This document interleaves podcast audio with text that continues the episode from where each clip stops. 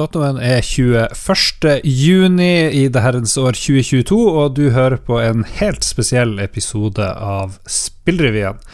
Mandag var nemlig flere hundre spillskapere samla til norsk spillkonvent på Soria Moria hotell på Holmenkollen. Og i denne episoden så skal Jon Cato Lorentzen, min gode makker, ta deg med bak kulissene under Etterpåfesten, der han møter tre spennende spillskapere med tre helt forskjellige spill.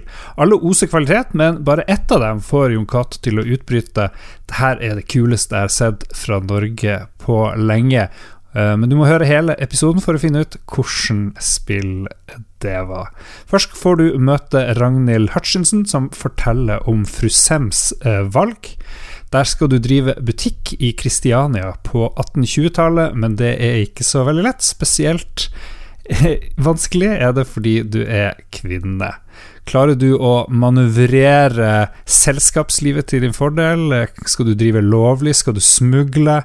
Og alt skjer i et uh, ungt Norge som prøver å finne seg sjøl i et ustabilt Europa og en verden der menn, på papiret i hvert fall, bestemmer. Og Hutchinson, som er historiker, hun bringer hardcore historiske fakta og tall til det hele. Spillet kom nylig ut helt gratis. Søk opp Fru Sems valg. Så får du høre fra Joremi Madsen fra Dpad, som i all hemmelighet har gjort ferdig Cosmo Clash på hobbybasis. Og spillet som fikk liv under NM i gameplay tidligere i år, ble sniklansert på mandag. Her må du ha fire spillere med deg samtidig hvis du skal krige, og en runde kan være over på et par sekunder. Spillet er ute i Early Access på Steam akkurat nå. Til slutt får du møte Petri Wilhelmsen, som laga en romfartssimulator der du kan gjøre én til én alt de gjorde i Apollo-ekspedisjonen, med helt korrekt gjengitte kontrollpaneler og kontrollrutiner. Jeg er Ragnhild og har skrevet manus og har vært produsent i uh, Frusem, eller Frusemsvold. Og så har jeg historisk ansvar så jeg er historikeren som går inn og sier at nei, her, er, her, må vi gjøre om igjen fordi det ikke er riktig. Så er det ditt selskap som står bak spillet, eller? Ja, det er tidvis som står bak spillet. Riktig. Eh, og Fru Sems valg, det er et spill om eh, kjoler og mote i gamle dager. Det er en gubbe på 50 år og prøver å forstå spillet ditt, Ragnhild. Forklar det. Det er et spill om kvinner, klær og kapitalisme i Kristiania på 1820-tallet. Ja. Så det handler om eh, Du spiller en butikk eller en, en enke som nettopp har arvet eller overtatt butikken, og så skal du manøvrere butikkdrift i de, de farefulle farvannene det er. Det er eh, fordommer. Det er eh, Kanskje en av hovedutfordringene er at det er veldig høye tollavgifter, sånn at du må velge skal du gjøre dette lovlig, eller skal du smugle. Ja. Hvis du smugler, så er det liksom down the rabbit hole. Og det har visse utfordringer å gjøre det lovlig. Du har beilere, du har ball, um, sånn at du får en god dose forviklinger. Og så har du tjenestefolk som ikke helt er sånn som de burde. Så det er en type Bridgerton og Jane Austen, men med mer sosialdiarisme og litt humor. Eventuelt veldig mye nerding. Og sånn 1820-talls-ting. Ja, ja. Jeg satt til Kristiania 1820 da, eller? Ja, ja, er satt til Kristiania 1820. Ja. ja. Jeg er jo helt skadet. For du er, er Har du noen bakgrunn som historiker, eller? Jeg er historiker. Dette er forskningsfeltet mitt. Ja, og dette er det jeg har jobbet med i 15 år. Ja. Så varene som blir ført inn, er jo ordentlige, og alle Vi har samarbeidet med Institutt for, Norsk institutt for bunad og folkedrakt, ja. som da har hjulpet oss med alle tekstilteknikkene, eh, alle klærne, alle stoffene du kjøper, alt mulig sånt nå er jeg som tatt inn av dem. Jeg har hatt mye mer med den sånn økonomiske siden og liksom prosessene. Ja. Så vi har til og med fått inn fotnoter. Ja. Så hver, når du starter en ny runde, så kommer det en avisartikkel, og stort sett så er den hentet fra en samtidig uh, avis. Og da er det en liten ugle nedi der, så kan du trykke på den, og så kommer du til den faktiske avisen på Nasjonalbiblioteket. Morsomt. Så vi har et dataspill med fotnoter.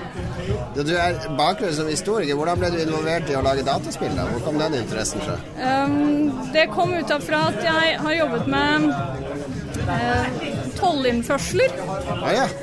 Som jeg skjønner Jeg mener er noe av det mest sexy og kule i hele verden. Og det er lister er over alle varer som har gått inn og ut av norske tollsteder. Som jeg har samlet. Jeg har en stor database. Dette gjør vi fremdeles. Ja. Um, men vi måtte finne en måte å formidle det på. ja.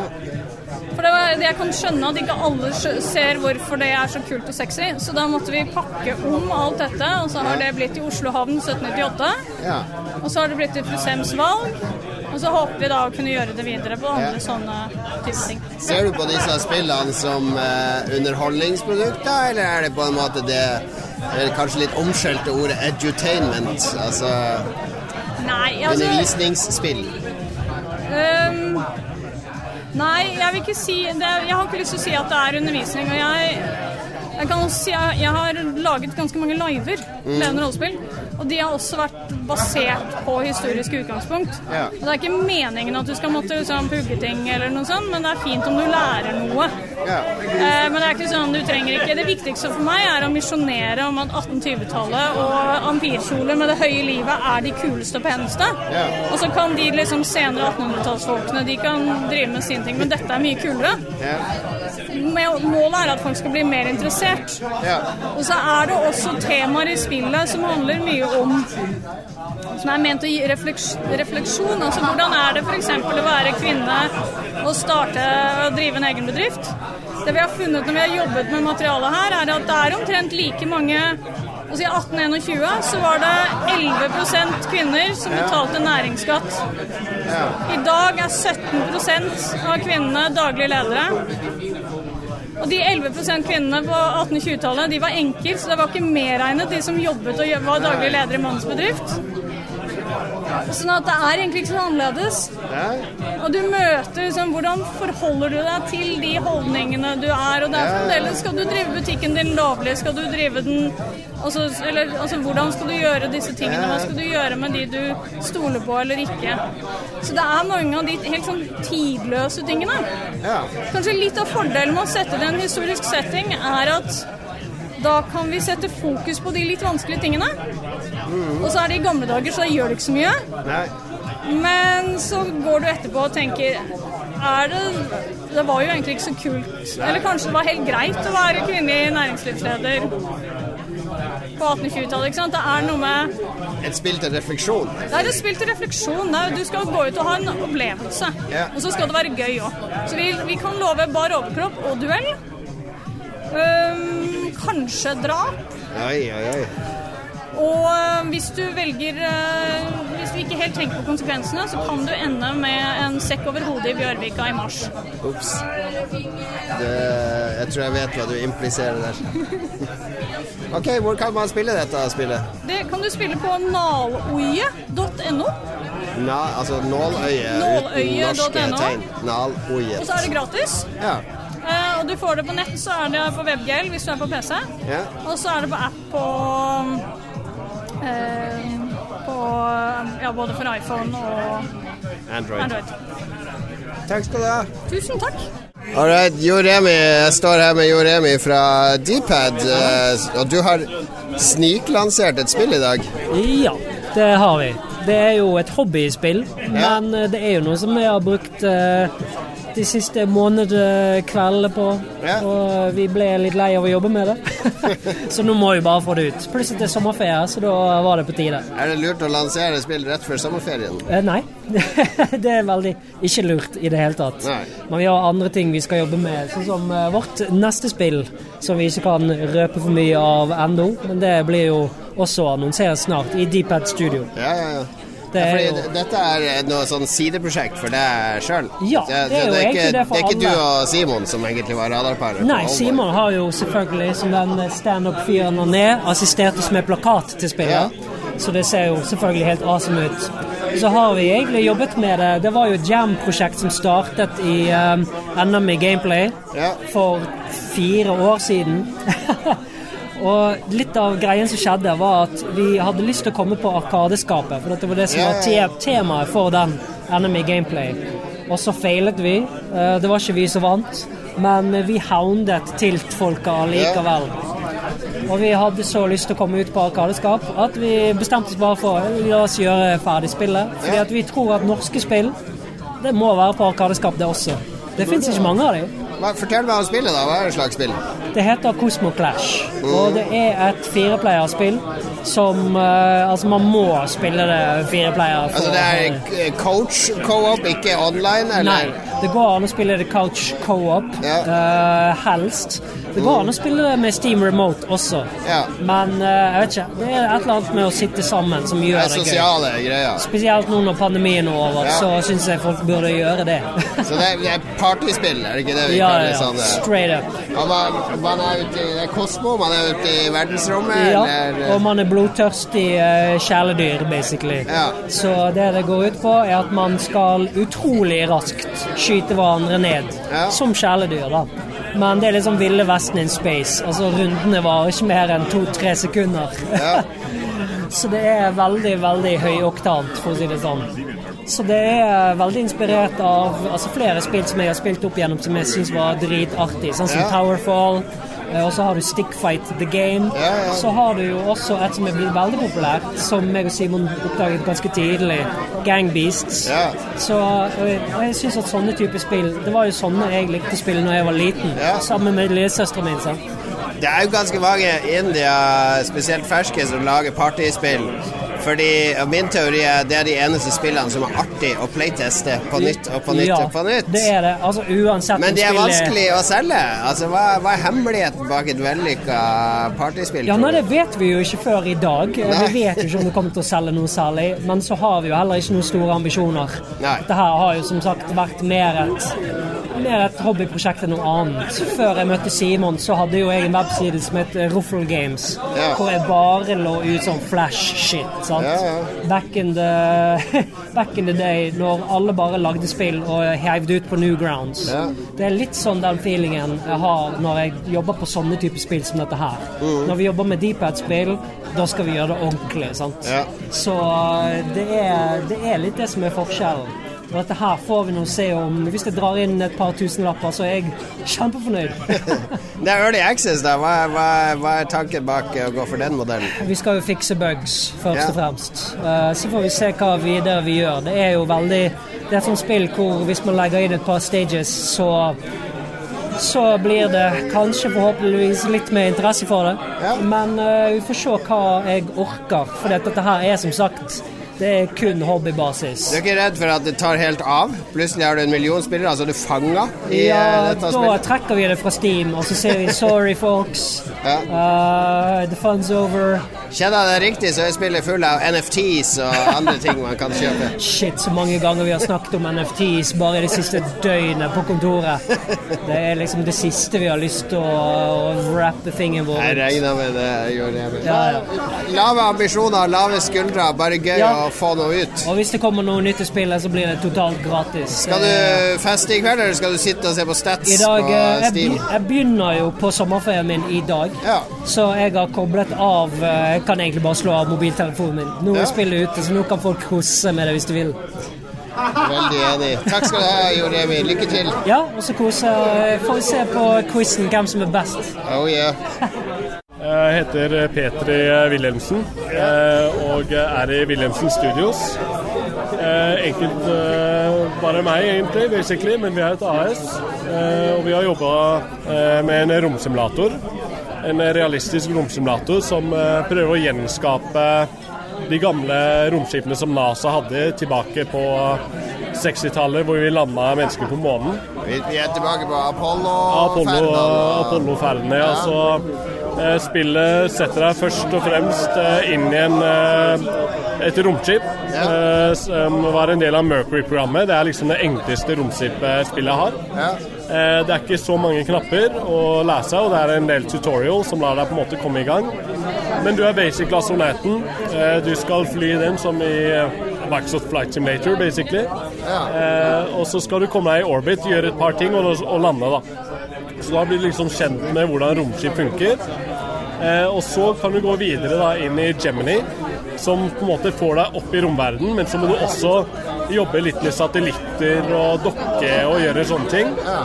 Og så er du klar for Apollo. Da må du lære deg å fly to romskip da, for å kunne lande på, på månen. Men det, det, det, er simulator? Altså det, det er en simulator, ja. Eh, veldig basert altså, én til én fra virkeligheten, liksom? Ja da. Så jeg har på en måte gjenskapt alle knappene om bord i alle disse fire romskipene. Og man kan trykke på alt? Også. Og du kan trykke på alt. Eh, har eh, eh f.eks. alle sikringer. Du kan eh, koble ting av og på eh, strømsystemet om bord. Eh, du har multiplayer, så du kan ha mission control på bakken som kan feile noen av disse systemene. Og sånne ting, da.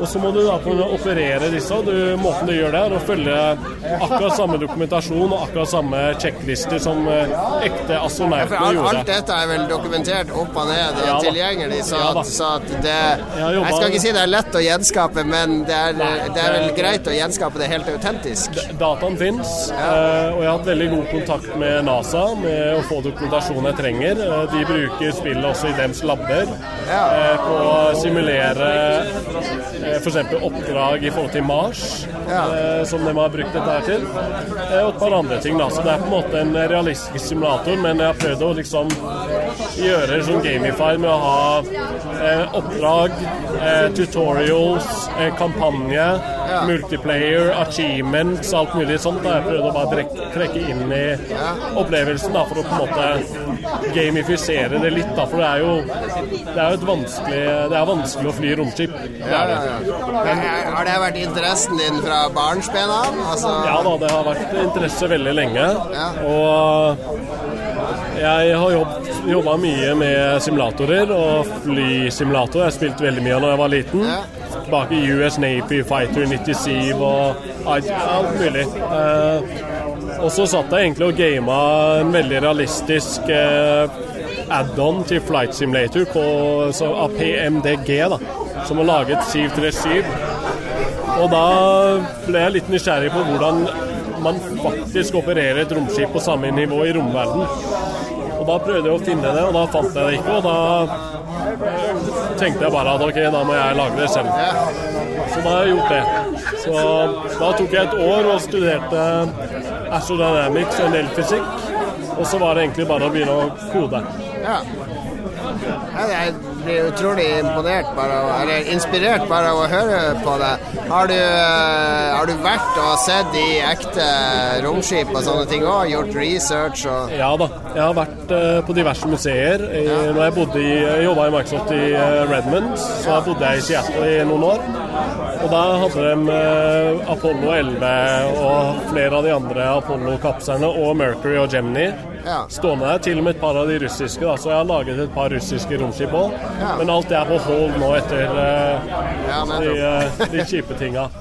Så, ja. Hva er ambisjonene med spillet? For det, er, det heter Re-entry, re heter det. Re-entry, og ja. det, det, er ute i Early Access på Steam? Da. Det er ute på Early Access i Steam, og det, ambisjonen er å gjenskape disse romskipene og la en person oppleve hvordan det var å fly romskip. Ja. Eh, og samtidig lære hvor, hva som kreves av et romskip for at det skulle kunne fly, og holde folk i live.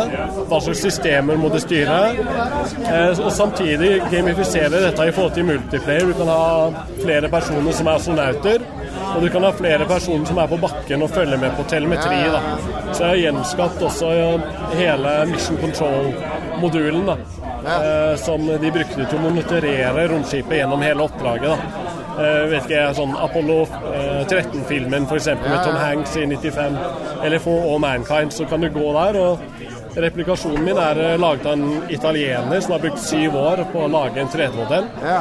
i CAD. Og så har jeg på en måte jobba med han nå et halvannet år for å få dette til å bli real time renderable. Da. Så alle de konsollene som er på bakken, kan du sette deg ned, og du kan konfigurere eh, desktopen din, sette opp TV-kanalene, hva slags data vil du se på, akkurat som de ekte uh, Mission Controllerne gjorde. da. Wow. Og Da følger du med på hva astronautene gjør om bord, og du kan si ifra hvis noe er feil. da. Ja. Herregud. Jeg er, jeg er superimponert, altså. Det, jeg, kom, jeg, hadde ikke hørt om det før nå, så dette Nei, jeg har uh, jobba på det en liten stund, men det har ikke vært så veldig uh, synlig ennå.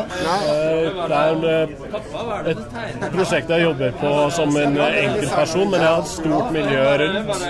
Vi har bygd opp community. Jeg integrerer Discord veldig nøye i spillet. Så hvis du gjør en academy og du klarer eksamen din for et romskip, så får du en sånn pilot eller astro certificate for det romskipet. Og det gir deg også en rolle i Discord. Og den Discord-kanalen er på en måte den måten integrert. Så vi har om 3000 medlemmer på Discord nå, 2500 et eller annet sted der, som spiller spill og har online session sammen. Og egentlig får community til å leve av seg selv. Da. Så jeg har sånn 30-40 volunteers. da. Jeg kaller dem for test pilots. Det er der astronautene kom fra. Er det, det virker, siste spørsmål. Det virker jo veldig sånn uh, VR-vennlig. Er det noe du har tenkt på? Ja, det har en sånn preliminary VR-støtte, så det funker å spille hele spillet i VR. Ja. Men jeg er ikke helt happy med hvordan uh, jeg Ofte litt sånn fiklete å ja, treffe knapper og sånn. Ja. ja. Så jeg må løse en del sånne ting. Så der må jeg nok finne litt hjelp og finne ut av hvordan klarer jeg designe et bra UX på, i VR. da. Ja. Uh, men jeg har VR-spillere som spiller veldig mye. Det går an, men det er uh, kronglete. Så bra. Lykke, til. det er P3 du heter? Ja, yes, det er P3, ja. P3, Kjempemye lykke til, P3. Det her er det kuleste jeg har sett på lenge fra Norge, altså. Tusen hjertelig takk.